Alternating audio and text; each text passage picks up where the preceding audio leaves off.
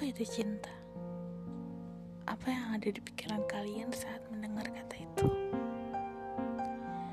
Sebuah perasaan bahagia kah? Rindu kah?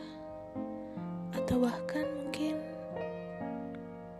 sebuah perasaan yang dapat menorehkan luka dalam hidup kalian?